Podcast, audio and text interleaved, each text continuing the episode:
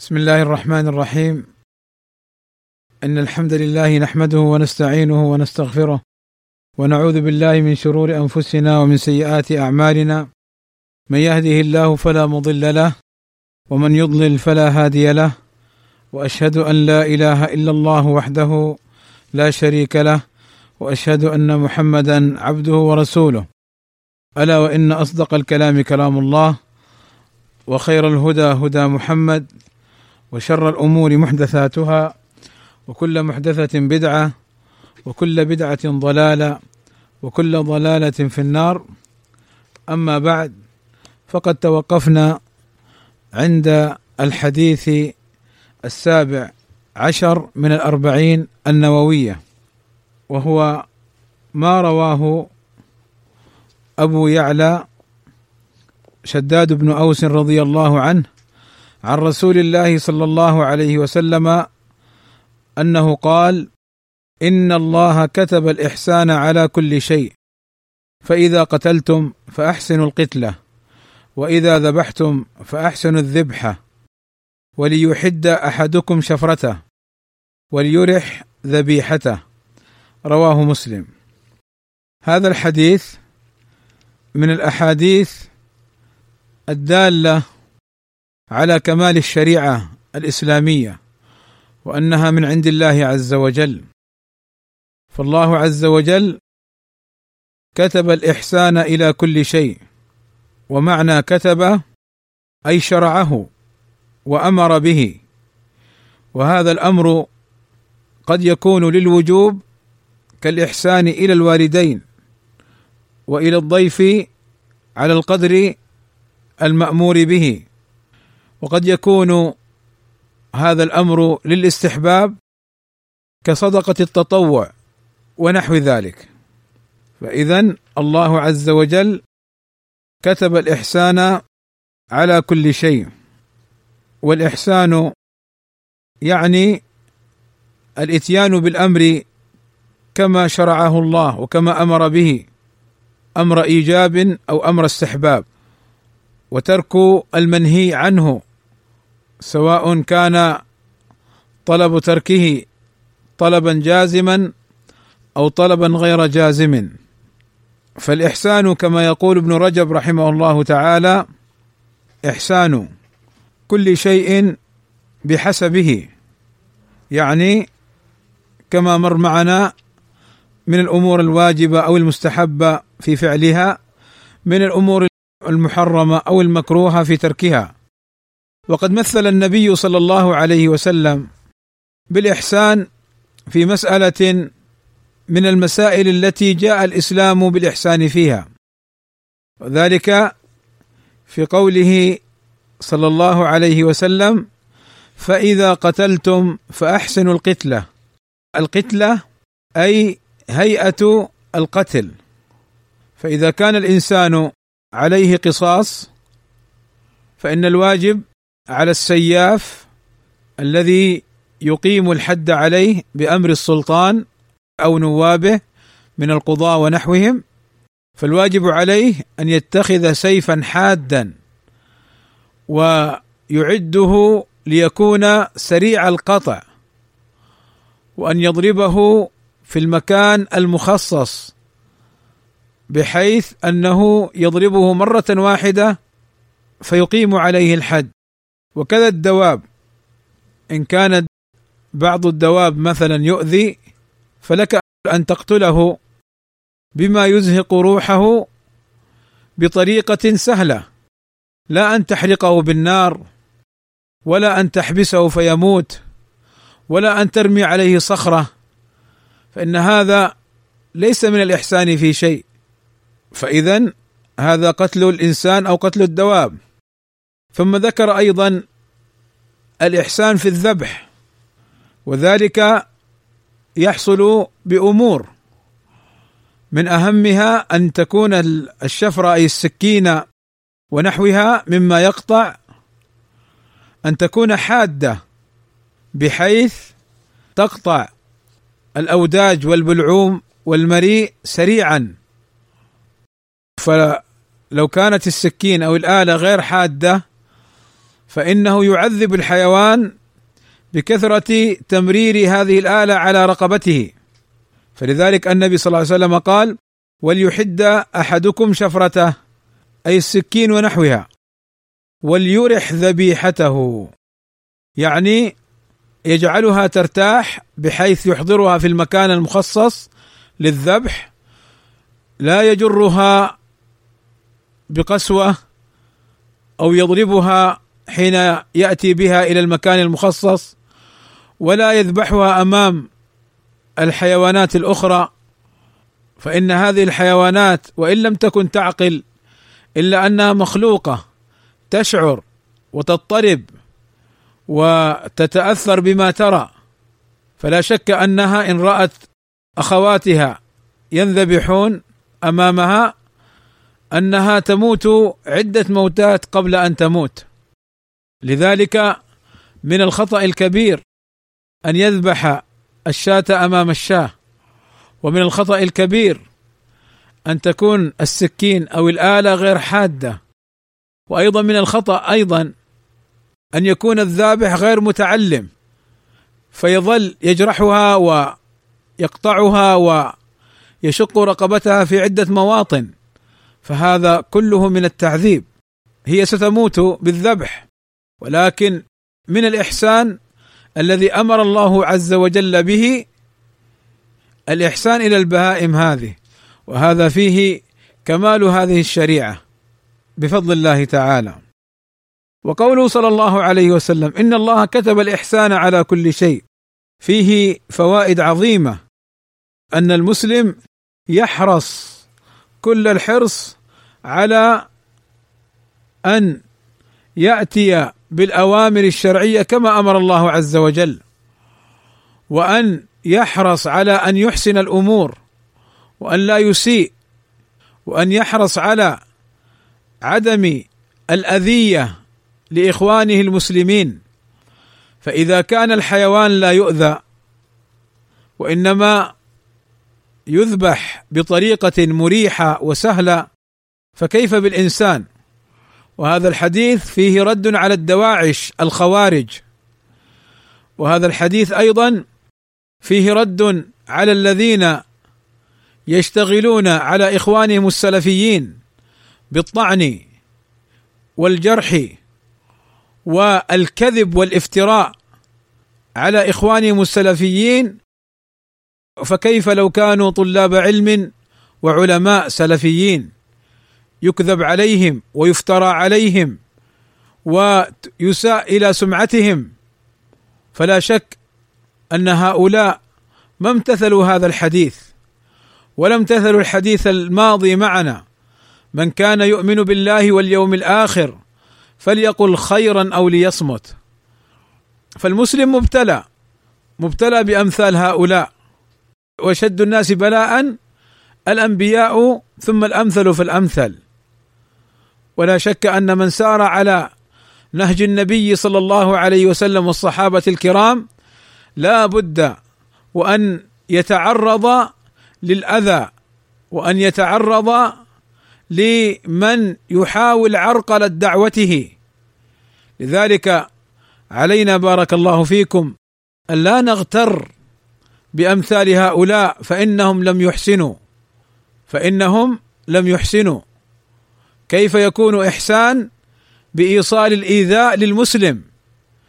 فكيف بطالب علم فكيف بعالم قد أفاد إخوانه وطلابه واشتهرت دعوته؟ هذا الكلام أنا أقول كلاما عاما.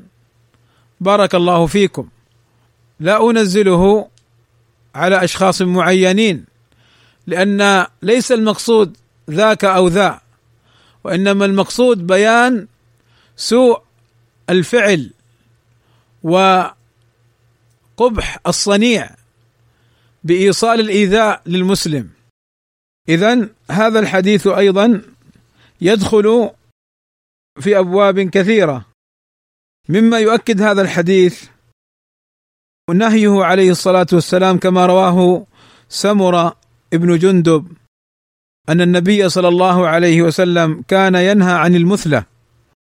والمثلى تعذيب المقتول بأن يقطع بعض أعضائه وأن يشوهه ونحو ذلك.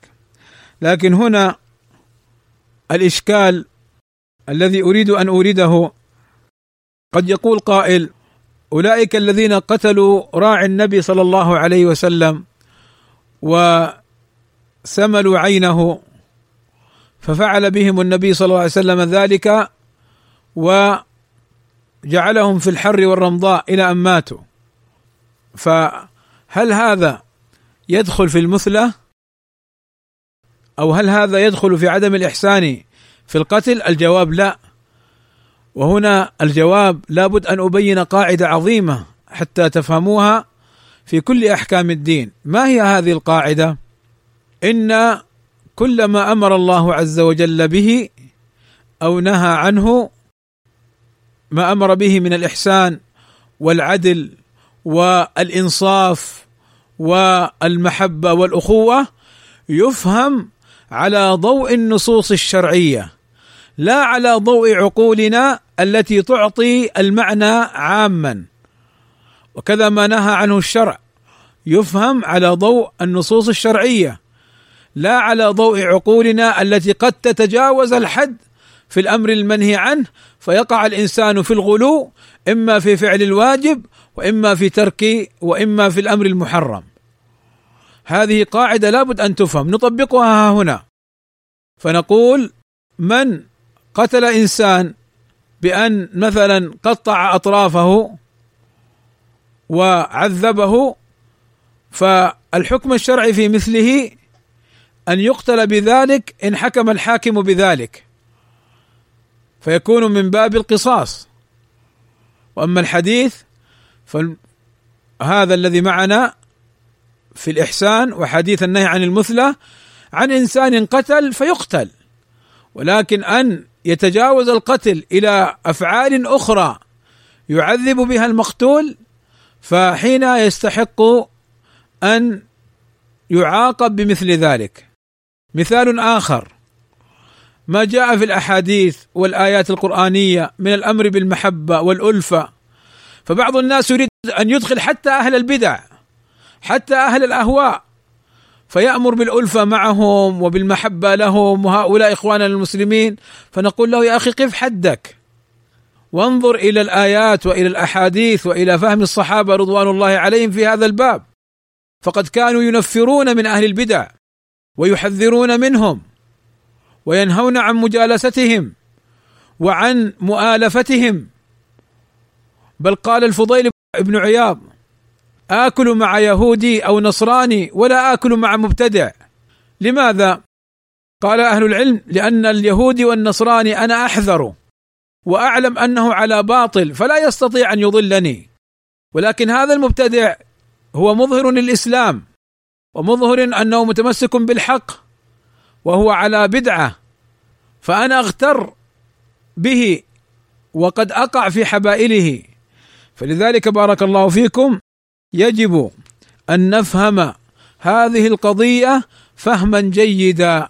وبهذا الفهم تستطيعون أن تكشفوا كثير من الحيل والخدع التي يخادع بها بعض الناس في كلامه وأنه يريد الحق وأنه يريد الأحاديث والآيات التي في كذا وكذا وهي لا تدل على مراده فينبغي أن نفهمها على ضوء الآيات والأحاديث وما كان عليه السلف الصالح رضوان الله عليهم. الحديث الذي يليه الحديث الثامن عشر عن أبي ذر ومعاذ بن جبل رضي الله عنهما أن رسول الله صلى الله عليه وسلم قال: اتق الله حيثما كنت. اتق الله حيثما كنت وأتبع السيئة الحسنة تمحها وخالق الناس بخلق حسن. رواه الترمذي وقال حديث حسن وفي بعض النسخ حسن صحيح. هذا الحديث فيه ثلاث وصايا وأوامر للنبي صلى الله عليه وسلم لنا جميعا بأن نتقي الله عز وجل وأن نعمل الحسنة بعد السيئة وأن نتعامل مع الناس بخلق حسن.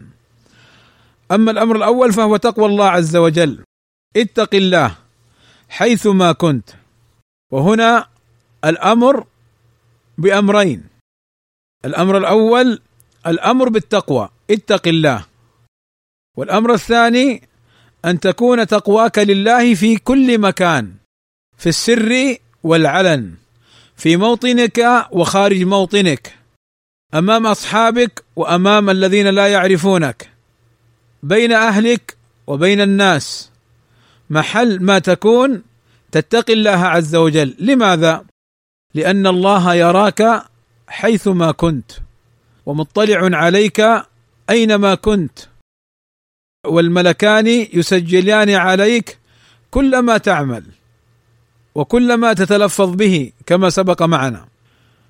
فالله عز وجل الذي تعبده في مكة هو سبحانه وتعالى الذي تعبده وأنت في أي دولة أخرى.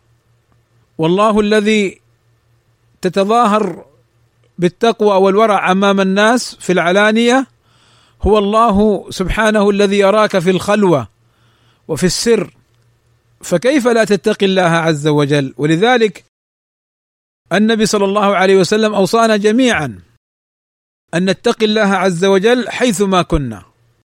ولذلك جاء في الحديث عن النبي صلى الله عليه وسلم أنه ذكر أن اناسا من أمتي يأتون يوم القيامة بحسنات أمثال الجبال يجعلها الله هباء. قالوا من هم يا رسول الله؟ قال أقوام إذا خلوا بمحارم الله انتهكوها. فالحظ أخي المسلم وانتبه إلى قوله إذا خلوا بمحارم الله انتهكوها. يعني كانوا يتظاهرون بخلاف ما يبطنون.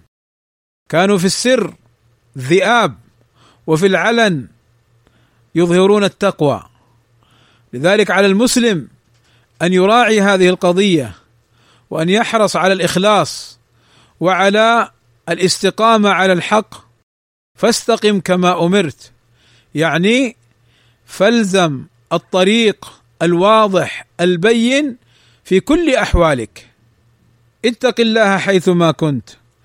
والتقوى أن تجعل بينك وبين عذاب الله وسخطه وقاية بأن تفعل الطاعات والواجبات وتترك المحرمات والمنهيات وأن تستعد ليوم الرحيل. كما جاء عن بعض السلف وهو طلق ابن حبيب حينما ذكر التقوى أن تعمل بطاعة الله على نور من الله ترجو ثواب الله وأن تترك معصية الله على نور من الله تخاف عقاب الله. ماذا نلحظ في قول طلق؟ نعيد مرة أخرى. التقوى أن تعمل بطاعة الله على نور من الله ترجو ثواب الله وأن تترك معصية الله على نور من الله تخاف عقاب الله. نلحظ أنك إذا عملت الطاعة تعملها بعلم وبهدى مما جاء به النبي صلى الله عليه وسلم. وإذا تركت المعصية تتركها بعلم وعلى ما نهى عنه النبي صلى الله عليه وسلم. لأن بعض الناس يجعل نفسه أو يظن نفسه تقيا وهو جاهل وهو لا يعرف الأحكام. فيقع في البدع والضلالات والانحرافات وهذا خطأ. ولذلك قال سفيان من ضل من عبادنا أشبه النصارى. لماذا؟ لأن النصارى عبدوا الله على جهالة ورهبانية ابتدعوها ما كتبناها عليهم إلا ابتغاء رضوان الله فما رعوها حق رعايتها. يعني ابتدعوا أمور ومع ذلك لم يأتوا بها على الوجه المطلوب. فبعض العباد حقيقة أمرهم أنهم جهال. وأما قوله صلى الله عليه وسلم فضل العالم على العابد كفضلي على أدناكم فإن العابد فيما كان سابقا في عهد السلف المراد به من تعلم من العلم ما يقيم به عبادته. وليس المراد بالعابد ذاك الذي يصلي ويحضر للصلاة ويتظاهر بإطالة اللحية ونحو ذلك وهو يجهل دين الله عز وجل. لا هذا جاهل ليس بعابد. إنما العابد كان يتعلم ما يحتاج إليه من دين الله في عبادته لله عز وجل. ما عنده علم زيادة في أمور أخرى ولكن لما يعبد الله يعبده على بصيرة في العبادة التي يتفرغ فيها لله عز وجل. في صلاة أو صيام أو نحو ذلك وأذكار نبوية لا أذكار مبتدعة أذكار لم يأتي بها النبي صلى الله عليه وسلم وأوراد يلتزمها لم يأتي بها النبي صلى الله عليه وسلم. مر معنا حديث عائشة. حديث عائشة رضي الله عنها وأرضاها أم المؤمنين. قالت قال النبي صلى الله عليه وسلم من عمل عملا ليس عليه أمرنا فهو رد. فلا بد بارك الله فيكم أن نلحظ هذا الأمر. ولذلك رأس التقوى أن تعلم ما يتقى فتتقي. فأصل التقوى ورأسها أن تكون مبنية على العلم. وتقوى الله عز وجل هي وصية الله عز وجل للأولين والآخرين. أوصاهم الله عز وجل بالتقوى. وتقوى الله عز وجل أيضا. بارك الله فيكم. تعني أن المرء يحاسب نفسه على أقواله وعلى أفعاله وعلى كل شيء. فيخاف أن يصدر منه السوء ويخاف أن يقصر في الأمر الواجب. وتقوى الله عز وجل أن يكون العبد ورعا تقيا. يترك الشبهات. ويستبرئ لدينه وعرضه.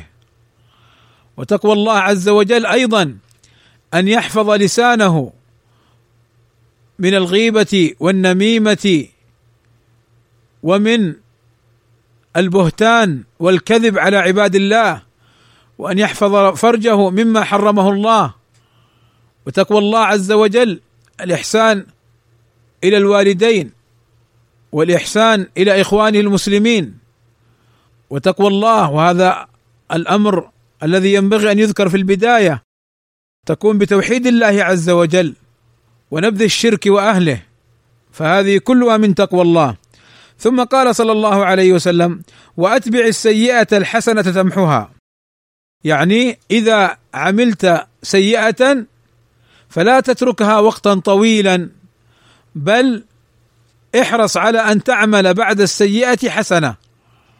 إما بقراءة قرآن وإما بصدقة وإما باستغفار وإما بذكر. وقد جاء عن النبي صلى الله عليه وسلم أنه قال ما من عبد يذنب ذنبا ثم يتوضأ فيحسن الوضوء ثم يصلي ركعتين فيستغفر الله إلا غفر الله له. وأيضا جاء في الحديث عن النبي صلى الله عليه وسلم أن العبد إذا أذنب فإن الملك صاحب الشمال عليه السلام يرفع القلم بضع ساعات ست ساعات يرفع القلم. فإن أحدث توبه في أثناء هذه الست الساعات لم يكتب الذنب وإن لم يتب في هذه المدة كتبها سيئة. ولذلك هذا مما يؤكد دلالة ذلك الحديث أن العبد يحرص على أن يعمل الحسنه بعد السيئة. وأيضا جاء في الحديث ما يبين أهمية إتباع السيئة بالحسنة. وذلك أن السيئات لو اجتمعت على القلب قد تجعله فاسدا. كما قال صلى الله عليه وسلم إن العبد إذا أذنب الذنب نكت في قلبه نكتة سوداء. فإن تاب وأقلع سقلت ومحيت. يعني النكتة السوداء هذه. وإن أذنب الذنب ينكت في قلبه نكتة سوداء ولا يزال ينكت في قلبه أي كلما أذنب يعني ولم يتب.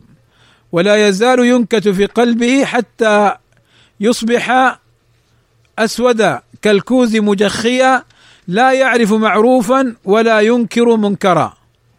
قال الله عز وجل كلا بل ران على قلوبهم ما كانوا يكسبون أي غطى على قلوبهم ما كانوا يعملون.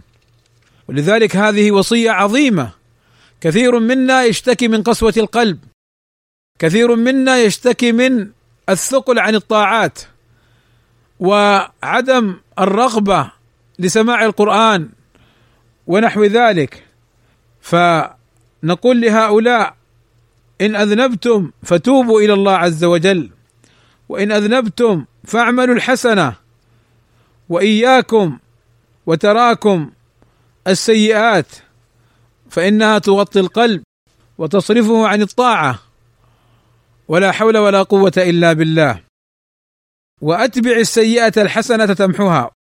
لاحظ أن الإتباع يكون الشيء وراء الشيء. يعني ليس بينهما فاصل كبير. وأيضا يشعر هذا بأن المرء يسارع لفعل الحسنات. وهذا أمر عظيم بارك الله فيكم. وهذا أمر عظيم بارك الله فيكم. ينبغي لنا أن نعود أنفسنا على على فعله. لأن كما جاء في الحديث عن النبي صلى الله عليه وسلم كل بني آدم خطاء. قال النبي صلى الله عليه وسلم كل بني آدم خطاء وخير الخطائين التوابون. قال العلماء ليس الخطأ أن تقع في المعصية وإنما الخطأ أن تستمر عليها وأن تصر عليها.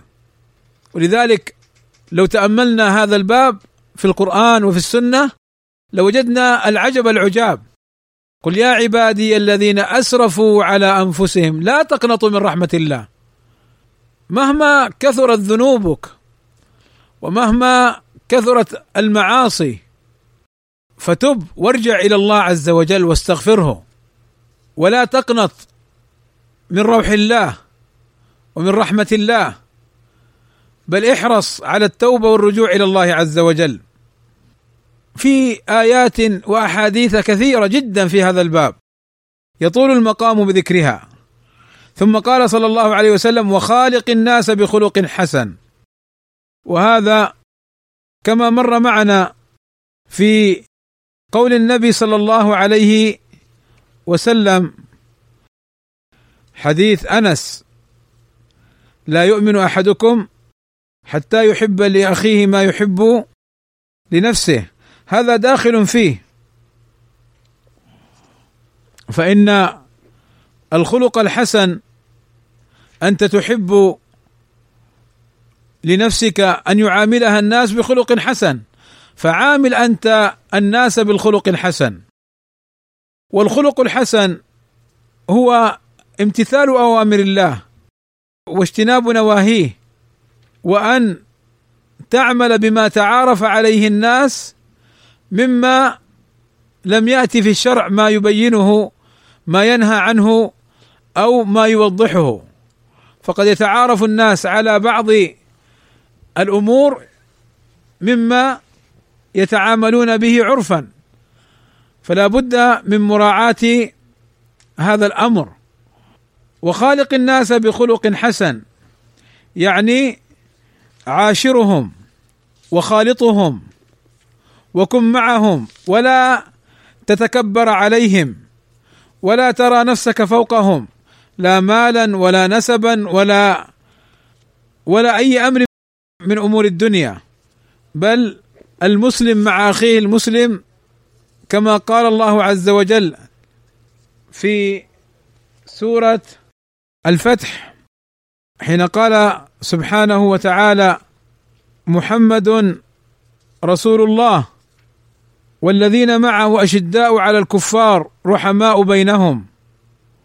وأيضا قول النبي صلى الله عليه وسلم المسلم للمسلم كالبنيان يشد بعضه بعضا.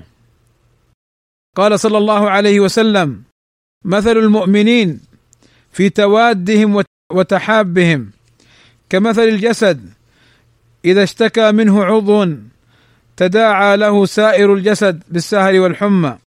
أو كما قال عليه الصلاة والسلام وقد جاء ما يدل على عظم أجر الأخلاق الطيبة فإن النبي صلى الله عليه وسلم يقول ما من شيء في الميزان يوم القيامة من حسن الخلق. ويقول عليه الصلاة والسلام إن الرجل ليبلغ بحسن خلقه درجة الصائم القائم.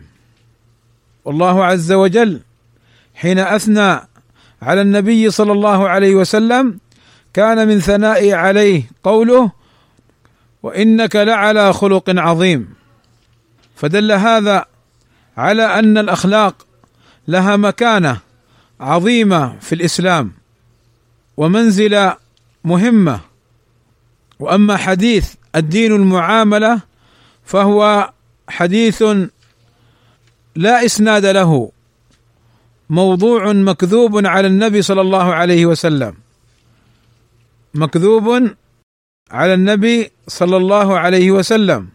والأخلاق كما سبق ليس المراد بها الأخلاق المصطنعة والأخلاق التي يقضى بها مصالح لبعض الناس أو الأخلاق التي يراد بها الدفاع عن أهل الباطل.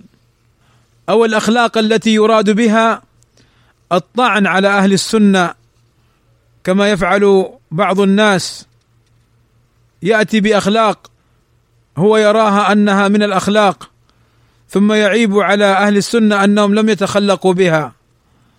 لا عيب على أهل السنة في عدم تخلقهم بأخلاق لم تشرع أو لا عيب على الإنسان إذا ترك أمرا مستحبا ليس بواجب. إنما يعاب من وقع في البدع وخالف الحق وإنما يعاب من فعل المحرم وترك الواجب. وإنما يعاب من أراد بإيراد الأخلاق الطعن في إخوانه السلفيين. حتى إنك لتجد الواحد منهم يتعامل مع المخالفين بكل رحمة وأدب واحترام. فإذا جاء مع اخوانه السلفيين انقلب وكشر عن أنيابه وسلقهم بلسان حاد. أين الأخلاق؟ الأخلاق مع المخالفين والأخلاق مع المنحرفين ينصح بها وينادى بها. ووقت التطبيق مع أهلها لا تطبق لا شك أن اعتبار الأخلاق بهذه الصورة مخالف لمنهج السلف.